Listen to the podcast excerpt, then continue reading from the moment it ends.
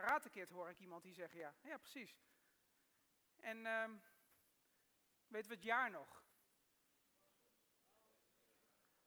92 hoor ik. 1984. Mr. Miyaki en Daniel San. Nou, voor iedereen die geen idee heeft waar ik het over heb. Je bent of te jong, of je bent heel christelijk opgevoed. Want het is natuurlijk geen christelijke film. De film gaat over een jongen, Daniel LaRusso, die met zijn moeder verhuist naar de andere kant van Amerika. En daar aangekomen gaat hij naar zijn nieuwe school en wordt hij eigenlijk onmiddellijk gepest. En regelmatig in elkaar geslagen. Dan ontmoet hij de Japanse klusjesman, Mr. Miyaki. En deze belooft hem karate te leren, zodat Daniel zich kan verdedigen en verweren tegen de pestkoppen. Anders echter dan Daniel zou willen, moet hij van Mr. Miyaki eerst al zijn auto's poetsen en de schutting en de, de, de vloer schuren en het huis verven. En wat me vooral bijgebleven is, en misschien kunnen we even meedoen, was het ook alweer? Wax on ja? en wax off. Zo moest hij namelijk die auto's poetsen. Wax on, wax off, met dat accent. En na weken van wax on, wax off raakt Daniel geïrriteerd. Want wat hebben glimmende auto's, het schuren van vloeren en het verven van een schutting te maken met het leren van karate?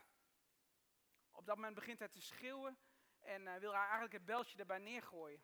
En dan moet hij van Mr. Miyaki die beweging die hij de afgelopen weken zo vaak gemaakt heeft, moet hij opnieuw maken terwijl Mr. Miyaki gaat stoten. En dan ontdekt Daniel dat hij met die vervelende beweging, dat constant opnieuw wax on, wax off doen, dat hij eigenlijk het fundament van karate aan het leren was. Nou, ik kom straks terug op wax on, wax off, maar eerst wil ik even met jullie kijken naar een stuk uit de Bijbel. In Marcus hoofdstuk 9 vindt de verheerlijking van Jezus plaats. Jezus neemt Petrus, Jacobus en Johannes mee een hoge berg op en daar voor hun ogen verandert Jezus van gedaante. Zijn kleren worden blinkend, wit als sneeuw. Een wonderbaarlijke ontmoeting met Elia en Mozes volgen. De glorie van God verschijnt op de heuvel. Een fantastische tijd. En dan na deze hemelse ontmoeting, dit zijn in de aanwezigheid van God, dalen Jezus en de leerlingen weer af. Letterlijk en figuurlijk dalen ze af van, van, een, van een hemelse tijd naar een, naar een zeer aards tafereeltje. En daar begint het verhaal waarover ik met jullie wil spreken. We beginnen in Marcus hoofdstuk 9 bij vers 14. Lees maar met me mee. Toen ze terugkwamen bij de andere leerlingen, zagen ze grote menigte om hen heen staan. Er waren ook schriftgeleerden bij en aan het discussiëren waren. En ze waren verbaasd toen ze hem zagen en liepen meteen naar hem toe groeten. Hij vroeg hun, waarover zijn jullie met, hem, met hen aan het discussiëren? Iemand uit de menigte antwoordde, meester, ik heb mijn zoon naar u gebracht omdat hij door een geest bezeten is en niet kan praten. Steeds wanneer de geest hem overweldigt, gooit hij hem op de grond en dan komt het schuim hem op de mond te staan. Hij knarst met zijn tanden en wordt helemaal stijf. Ik zei tegen uw leerlingen dat ze hem moesten uitdrijven, maar dat konden ze niet. Hij zei tegen hen, wat zijn jullie toch een ongelovig volk? Hoe lang moet ik nog bij jullie blijven? Hoe lang moet ik jullie verdragen? Breng hem bij me. Ze brachten de jongen bij hem. En toen de geest hem zag, deed hij de jongen meteen stuiptrekken. En met het schuim op de lippen viel hij op de grond en rolde heen en weer. Jezus vroeg aan zijn vader, hoe lang heeft hij hier al last van? Nou, als je gewoon door de evangelie en door dit verhaal heen leest, valt je het misschien niet eens op. Maar als je langer bij stilstaat, dan is deze vraag van Jezus nogal bijzonder. Een jongen wordt op de grond gegooid door een demon. En Jezus, ogenschijnlijk volkomen rustig, draait zich om en neemt nog even de tijd om aan de vader te vragen hoe lang hij hier al last van heeft. Ik zou verwachten dat Jezus zoiets heeft van, deze nonsens moet meteen stoppen. Weg ermee. eruit, weet je wel, op die manier. Maar dat doet Jezus niet. Hij vraagt gewoon, heel ontspannen, hoe lang heeft uw zoon hier al last van? En de reden dat Jezus dit doet is belangrijk. Het is namelijk niet alleen maar Jezus die in de wereld komt, met zijn vingers knipt en de Satan eruit gooit. Nee, Jezus betrekt in dit verhaal ook de Vader en ook ons vandaag.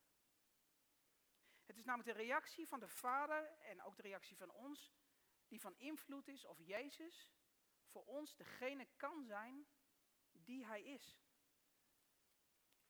Dus de vader antwoordt Jezus en vertelt dat zijn zoon dit al heeft vanaf zijn vroegste jeugd. En dan praat die vader verder en zegt, die boze geest heeft hem zelfs vaak in het vuur gegooid en in het water met de bedoeling hem te doden. Maar als u iets kunt doen, heb dan medelijden met ons en help ons. En dan lijkt Jezus een beetje geïrriteerd te worden. Hij zegt, of ik iets kan doen? De vader van de jongen zegt, als u iets kan doen. En Jezus zegt, of ik iets kan doen? Of?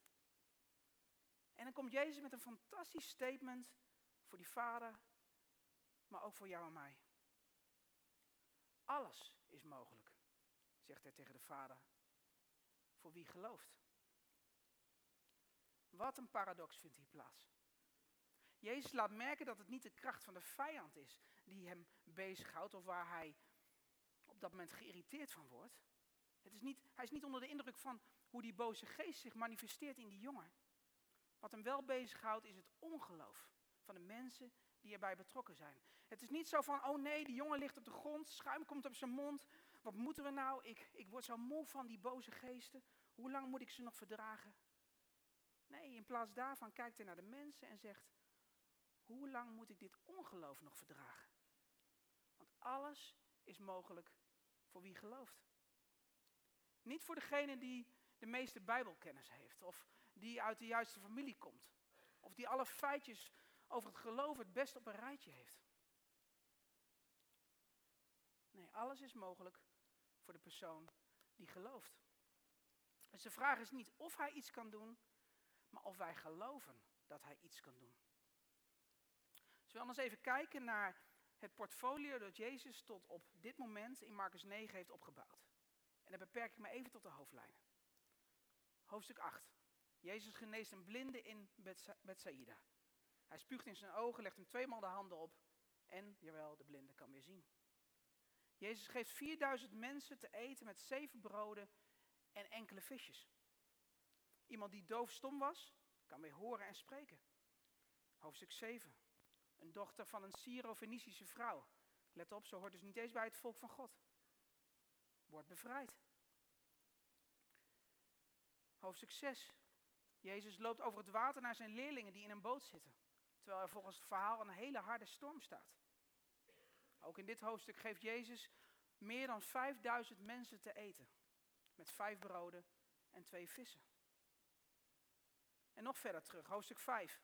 Dan zien we hoe een dood meisje en een zieke vrouw beide aangeraakt worden door de kracht van God. Een man die door vele demonen bezeten is, wordt door Jezus bevrijd met enkele woorden. Hoofdstuk 4. Jezus zegt dat een storm moet gaan liggen. En jawel, een storm gaat liggen. En tot hoofdstuk 1 kan ik dan wel even doorgaan. Hij geneest een verlamde man. Hij geneest een bezeten man. Een melaatse man. Als je de evangelie doorbladert, zie je keer op keer de kracht van God werkzaam hier op aarde. En ik kan me voorstellen dat Jezus zegt tegen zijn discipelen, tegen zijn leerlingen, ik weet het niet jongens, maar volgens mij heb ik, een, heb ik een aardig portfolio opgebouwd. Volgens mij hebben we fantastische dingen met elkaar meegemaakt.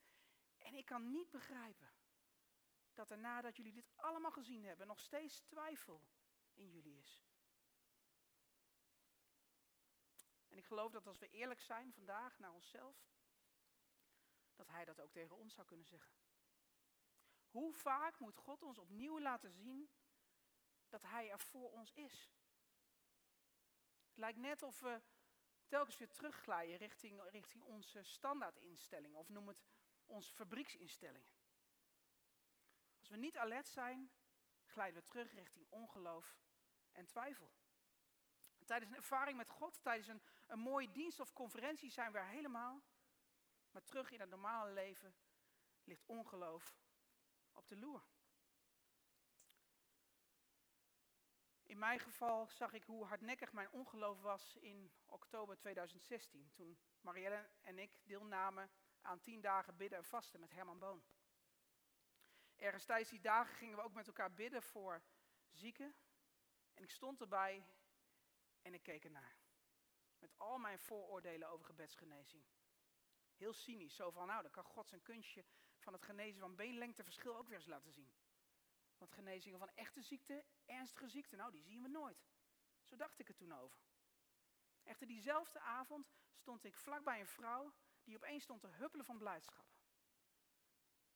En ik eh, vroeg aan een man wat er gebeurd was en die vertelde mij even blij dat zijn vrouw al twaalf jaar blind was aan één oog. En op dat moment, na handoplegging en het uitspreken van de naam van Jezus, van het een op het andere moment weer kon zien. Dat was bijzonder. Dat paste niet helemaal in mijn referentiekader. En ik heb die man de rest van die conferentie nog verschillende malen gevraagd of zijn vrouw nog steeds genezen was. En de laatste dag kwam hij zelf naar me toe en zei hij, hey Thomas, ze is nog steeds genezen. En by the way, ze vindt me ook nog steeds mooi, nu ze weer twee ogen heeft. Heel gaaf, maar toch. Is hiermee de worsteling over geloof, over wonderen, over wat Jezus allemaal kan doen ten einde? Nou, voor mij niet. We kennen allemaal mensen die niet genezen zijn. Hier in de gemeente hebben we ook mensen verloren. Veel te jonge mensen, oudere mensen. We zijn geliefden kwijtgeraakt. Vrienden, echtgenoten, echtgenotes. Afgelopen week uh, hoorde ik dat, vorige zondag volgens mij, dat een voetballer Chris de Wacht overleden is. 34-jarige leeftijd, twee kinderen en een vrouw achterlatend. Nou, laat er niemand beweren dat er geen geloof was bij dit soort zaken. Toch? En daar tegenover staan weer de verhalen van hen die genezing hebben meegemaakt. Ontzettend bemoedigend. Ik denk dat deze worsteling van alle tijden is. Maar dwars door alle strijd en alle worsteling heen blijven ook de woorden van Jezus klinken. Voor wie gelooft, is alles mogelijk. We moeten het laten staan zoals het er staat, ook als we het niet snappen. Ook als we soms om ons heen een, een hele andere realiteit waarnemen. Laten we kijken hoe de vader van de bezeten jongen reageerde op Jezus' opmerking. Meteen riep de vader van het kind uit. En dit is pure echtheid, hè, wat nu komt. Dit, is, is niet zo van, tuurlijk geloof ik, jou Heer, doe het wonder maar. Nee, deze reactie van de vader spreekt van dezelfde worsteling die velen van ons vanochtend herkennen. De vader zegt, ik geloof, maar Heer, kom mijn ongeloof te hulp. Dat is nog eens een eerlijke belijdenis. Heer, ik wil geloof hebben. Maar tegelijkertijd is er die hardnekkige twijfel in mijn hart. Help mij om daar overheen te komen. Is dit niet waar velen van ons zitten vanochtend? Heer, ik, ik geloof in u op, op, dit niveau. Een gewone hoofdpijn kunt u wel genezen. Maar in mijn geval, mijn moeder die elke keer opnieuw kanker krijgt. Daar zit nog een hoop ongeloof. Wilt u me helpen om daar overheen te komen? Ik wil u ook geloven voor de grote wonderen.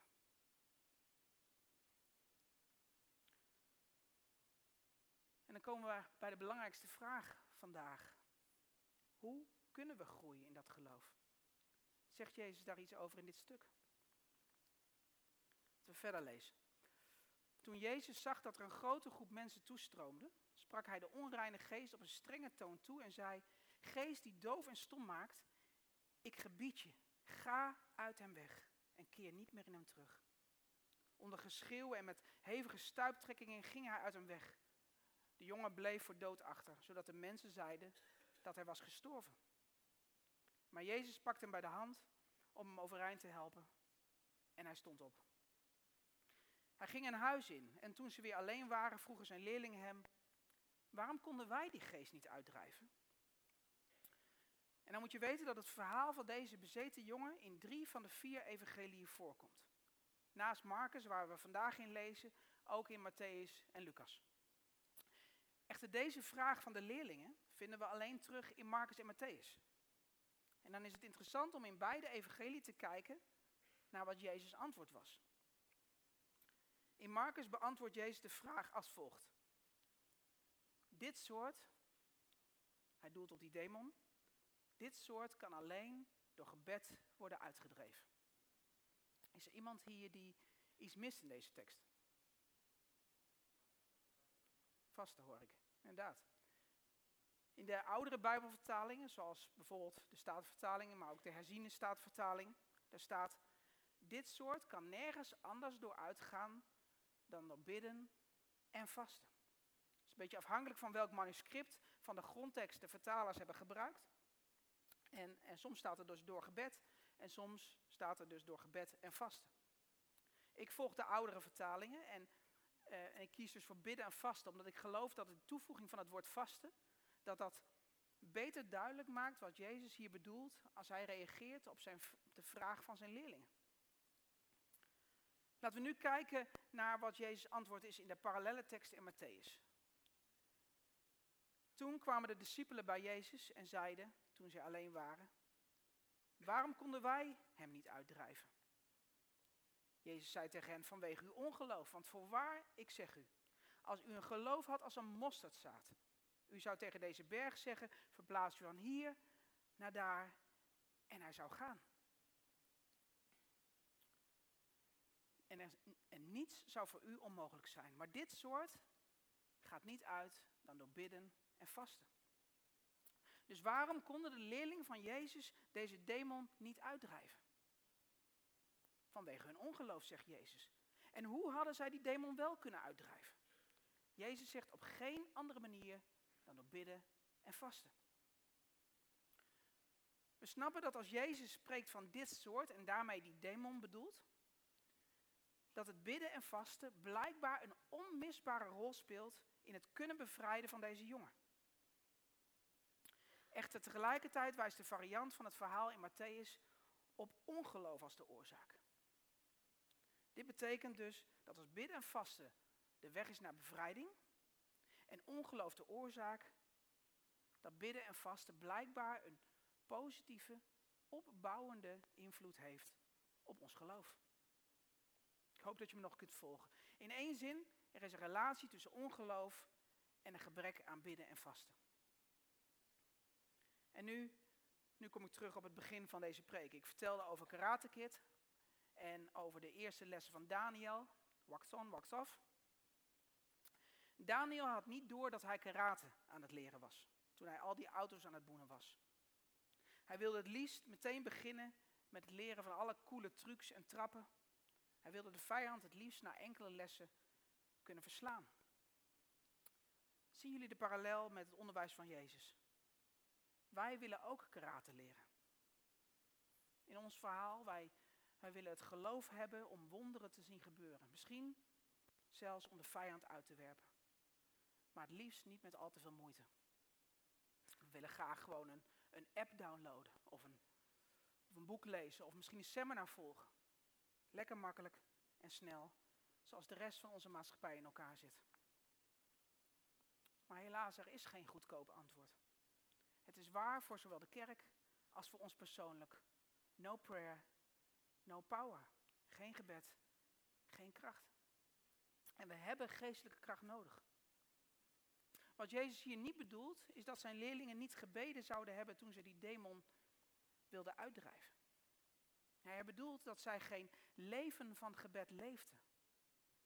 Als ze dat wel hadden gehad, waren ze voorbereid geweest op de confrontatie met de duisternis. Maar een gebedsarm leven is een leven met weinig geestelijke kracht. Weinig geloof. Maar wat is dat dan, een leven van gebed? In het Engels zeggen ze het zo mooi. Leaning toward God. Een ritme van ons constant toewenden en richten op God. Een beetje zoals een plant. Een plant die zich altijd weer in allerlei bochten wringt om naar het licht, naar de zon toe te groeien. En zo, zo hebben wij het nodig om ons toe te wenden naar God. En dan wordt bidden wordt dan een, een levensritme. Een intiem contact tussen jou en je vader. En niet meer enkel een Heere zegen deze spijzen amen of een een of andere to-do-list voor God. Wat natuurlijk prima is, hè? maar er is meer dan dat. En zonder dat, zonder gebed op die manier, zien we in het verhaal, zal deze soort niet uitgaan. Zonder dat zou Karate Kid uiteindelijk aan het einde van de film niet overwinnen in de wedstrijd. Sorry, spoiler. Door ons toe te wenden naar God leren we diep van binnen te weten wie Hij is. Wie wij zijn in Hem en, en wat Hij kan en wil doen door ons heen. En dan zullen we gaan beseffen dat wat Hij over je leven zegt de waarheid is. En zo groeit ons geloof. Als gebed dus is ons toewennen naar God, is vasten aansluitend daarop ons afwenden van de stem van deze wereld. Vasten zegt, ik kan niet mijn voeding bij de wereld blijven halen en verwachten dat ik opgroei in de gelijkenis van Jezus. Waar je mee voedt, daar word je door gevormd. Ik ben niet een kind van deze wereld, ik ben een kind van God. En vasten is de bevestiging en erkenning dat ik op bepaalde tijden even moet pauzeren van de wereld. Dat betekent niet dat we uit de wereld weg moeten. Maar dat we daar onze voeding niet meer bij halen.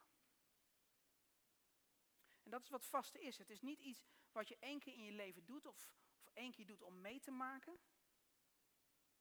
Het is een, een terugkerende pauze die je neemt van de wereld. Die samengaat met het toewennen naar God.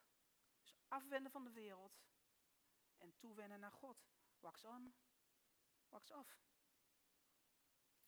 Andrew Murray, een predikant uit de 19e eeuw, die Karate Kid nooit gekend heeft, die zei net zoiets.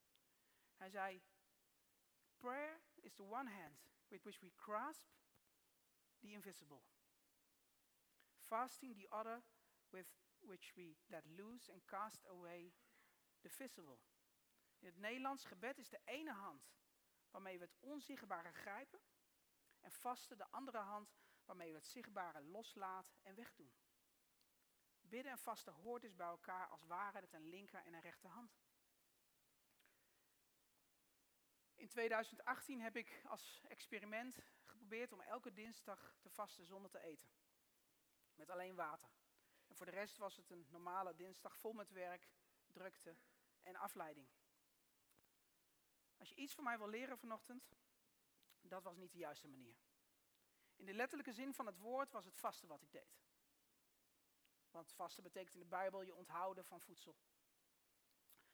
Maar behalve dat ik er heel erg van af ben gevallen, en daarna ook weer heel erg ben aangekomen, dus het heeft echt geen zin.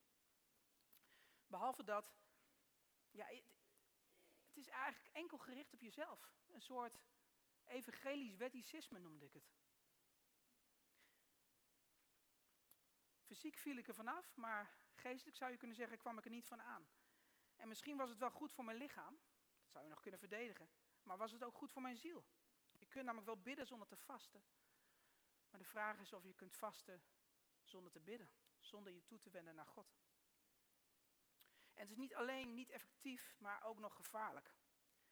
Abba Isidore, een zogenaamde woestijnvader uit de vierde eeuw, zei: If you fast regularly, do not be inflated with pride. If you think highly of yourself because of it, then you had better, eat meat. It is better for a man to eat meat than to be inflated with pride and glorify himself. Samengevat in het Nederlands, als je regelmatig vast, word dan niet trots, want dan had je net zo goed niet kunnen vasten. En trots werd ik ervan. Ik vond mezelf een hele pief dat ik uh, elke week een hele dag niet at. Niet een hele dag, ik zei altijd zoveel uur, namelijk van de vorige avond, het avondeten, snap je? Dus dat, was, dat ging over mij, dat ging niet meer over God. Na verloop van tijd, daar groei je dus blijkbaar heen, dat het steeds meer over mij gaat. Jezus zegt erover in Matthäus 6, vers 16 en 17. Wanneer jullie vasten, Zet dan niet zo'n somber gezicht als de huigelaars, want zij doen dat om iedereen te laten zien dat ze aan het vasten zijn. Ik verzeker jullie, zij hebben hun loon al ontvangen. Maar als jullie vasten, was dan je gezicht en wrijf je hoofd in met olie. Zodat niemand ziet dat je aan het vasten bent. Alleen je vader die in het verborgen is. En je vader die in het verborgen ziet, zal je ervoor belonen. Dus, als we in de week van 2 tot en met 8 februari, dus niet komende week, maar die weken na, aansluitend op de visiezondag. Als we met elkaar gaan vasten. Hoe moeten we dat dan doen? Nou, zonder trots in ieder geval. Zoveel is duidelijk. Maar moet je dan de hele week je, je eten laten staan? Natuurlijk, dat kan, als je gezond bent. Maar ik wil deze vraag omdraaien. Met wat van deze wereld voed jij je te veel? Waar zit jij te veel aan vast? En dit kan zeker eten zijn. Het is niet raar in deze cultuur. Eten is erg belangrijk geworden met zeven, zeven dagen per week een supermarkt open. Maar het kan even goed zijn dat je vastzit aan, nou, noem eens wat dingen, alcohol, je pak je peuken. Of zoals ik mijn smartphone die ik elke keer maar weer pak om te kijken of er nog nieuws is. Als ik even een spare moment heb, even niks te doen heb, dan constateer ik dat ik niet bijvoorbeeld even ga bidden of dat ik even stil ben. Dat ik even rust neem. Nee, dan zit ik op mijn mobiel te kijken. Meteen. Dat is een verslaving. Of denk aan Netflix, gamen, snoepen, chocola, energiedrank, koffie. Misschien ben je wel verslaafd aan de drukte en moet je de rust zoeken. De vraag is of jij bereid bent om God te vragen, jou te laten zien met welke touwtjes jij aan de wereld vastzit. En net zo goed als we heel goed moeten zien wie we in God zijn, dat is dat, dat, dat toewenden stukje, het naar God toe, het, het wax-on zou je kunnen zeggen. Net zo goed moeten we ook door middel van dat afwenden, uh, hoe zeg je dat? Ja, ervoor zorgen dat we niet constant in beslag genomen worden door al die zaken van de wereld. Misschien wel net als die plant in dat voorbeeld wat ik daar straks gaf. Als die plant niet richting het licht groeit, maar zich alleen maar richt op, op het donker, dan zal die uiteindelijk sterven. We moeten stoppen met luisteren naar wat de wereld zegt over wie wij zijn. En ruimte maken. Ruimte maken waar we afstand kunnen nemen van de stem van de wereld en ons kunnen richten op de stem van God. Toewenden en afwenden. Wax on, wax off. Er is geen goedkope of korte route, mensen. Er is geen goedkoop antwoord. Als we willen groeien in geloof, dan zullen we de weg moeten willen leven. Mooier kan ik het niet maken. We leren geen karate in één dag. En evenmin hebben we in één dag een geloof dat bergen kan verzetten. Het gebeurt niet in een seconde door je hand op te steken in een dienst. Zo van, Heer, ik geloof. Ik kwam binnen in ongeloof, maar ik ga eruit met geloof. Doe het wonder maar. Sommigen van ons, en dan spreek ik voor het eerst in de eerste plaats tegen mezelf, sommigen van ons wandelen al zo lang in ongeloof.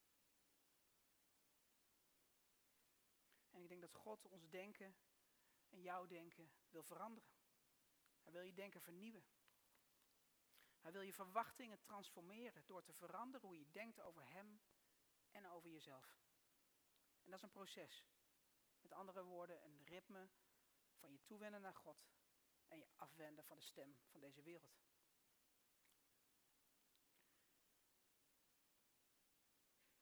Zou het zo kunnen zijn dat als we op deze manier groeien in een vertrouwelijke omgang met God, dat we dan ook meer vrede hebben met onze gebeden die niet verhoord worden, onze zieken die niet genezen en mensen die overlijden ondanks dat er handen opgelegd zijn en voor gevast is? Zou het kunnen dat we dan daar meer vrede mee hebben? Gewoon omdat we Hem kennen?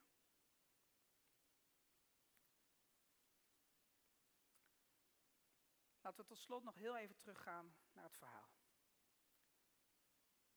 Jezus heeft aan zijn leerlingen uitgelegd dat ongeloof de oorzaak was. Waarom zij niet in staat waren om de jongen te bevrijden. En hij zei dat het alleen zou lukken door bidden en vasten. kunnen ons voorstellen dat in, in werkelijkheid zijn leerlingen hier nog op doorgevraagd hebben. Maar hoezo, Heer? Heeft u vandaag niet gegeten? Omdat u de jongens, jongen immers wel kon bevrijden. En, en wat bedoelt u met gebed? Want wij zagen u niet eerst bidden hoor. U zei gewoon tegen die demon dat hij moest vertrekken en hij vertrok. Misschien dat Jezus toen gezegd heeft, Kun, kunnen jullie je de ochtenden herinneren dat ik er niet was? Of de avonden dat je me niet kon vinden? De nachten dat mijn bed leeg bleef? Dat waren de momenten dat ik mij in eenzaamheid terugtrok. Weg van al het rumoer van de wereld. En dat ik mij richtte op mijn Vader in de hemel. Om van Hem te horen. Om met Hem te zijn. Zonder dat kunnen jullie niet verwachten dat je de werken zult doen die ik doe. Toewenden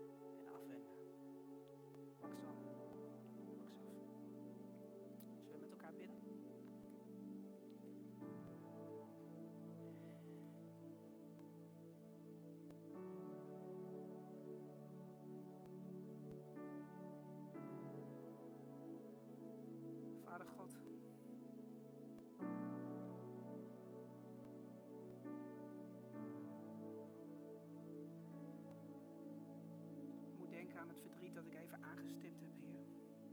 Mensen die ons ontvallen zijn. Terwijl er toch zoveel geloof was.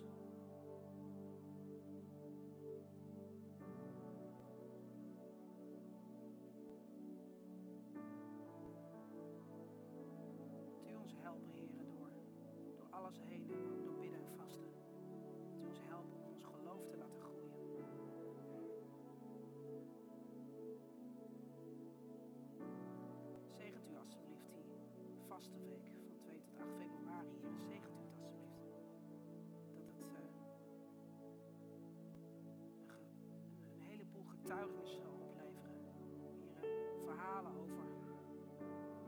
over mensen die uw stem hebben mogen verstaan, die gegroeid zijn in geloof, Heer. Dat soort getuigenissen. Ik verlang soms te horen, Heer. En wilt u tot een, ieder van ons spreken?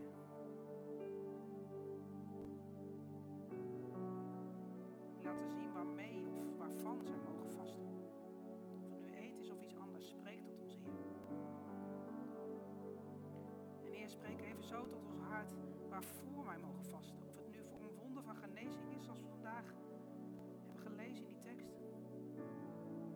Of bevrijding. Of we willen een patroon van verslaving in ons leven doorbreken. Misschien staan we op een kruispunt in ons leven en willen we uw stem daarin verstaan. Of we willen ons gebed voor die vriend, vriendin of familielid kracht bijzetten,